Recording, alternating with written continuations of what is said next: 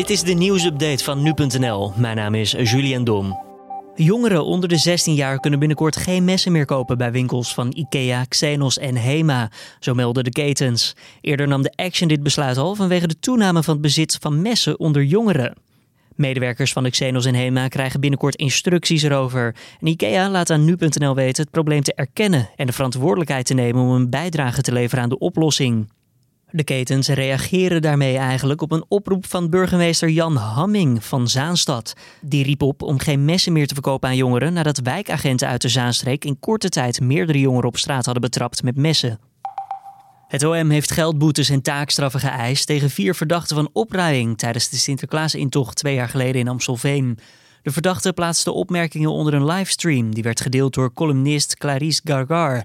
In totaal worden 25 personen vervolgd. De stream had een stroom van negatieve reacties tot gevolg, of zoals de officier van justitie het maandag omschreef, een lawine van haat. Volgens het OM dragen de uitingen bij aan de verdere polarisatie van de samenleving. David Cameron, voormalig premier van het Verenigd Koninkrijk, heeft zich uitgesproken tegen het omstreden wetsvoorstel van Boris Johnson dat onderdelen van het Brexit-terugtredingsakkoord onderuit haalt. Daarmee is hij de vijfde oud-premier die felle kritiek levert op Johnson. Cameron noemde het aannemen van een wet om vervolgens een internationale verplichting te verbreken het allerlaatste dat je zou moeten overwegen. Het voorstel waar dit over gaat legt uit hoe de Britten binnen het Verenigd Koninkrijk handel willen drijven naar de Brexit. En zou, mits het wordt aangenomen, Londen de macht geven om delen van het zogeheten Noord-Ierland-protocol te verwerpen. De Erasmusbrug in Rotterdam is naar schatting de komende dagen niet bereikbaar. Dat komt omdat de metalen bovenleiding van een trambaan is afgebroken en op het wegdek van de brug is gevallen. De afsluiting van de brug geldt voor alle verkeersdeelnemers.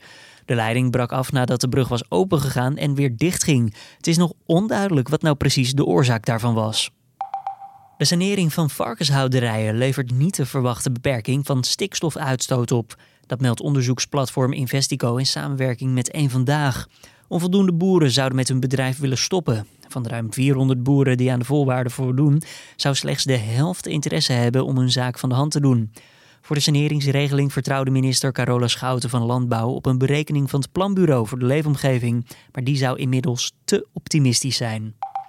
Arjen Robben denkt er niet aan om te stoppen bij FC Groningen. De oud-international viel zondag geblesseerd uit tijdens een eredivisie-rentree tegen PSV, maar hij is vastberaden om weer terug te komen.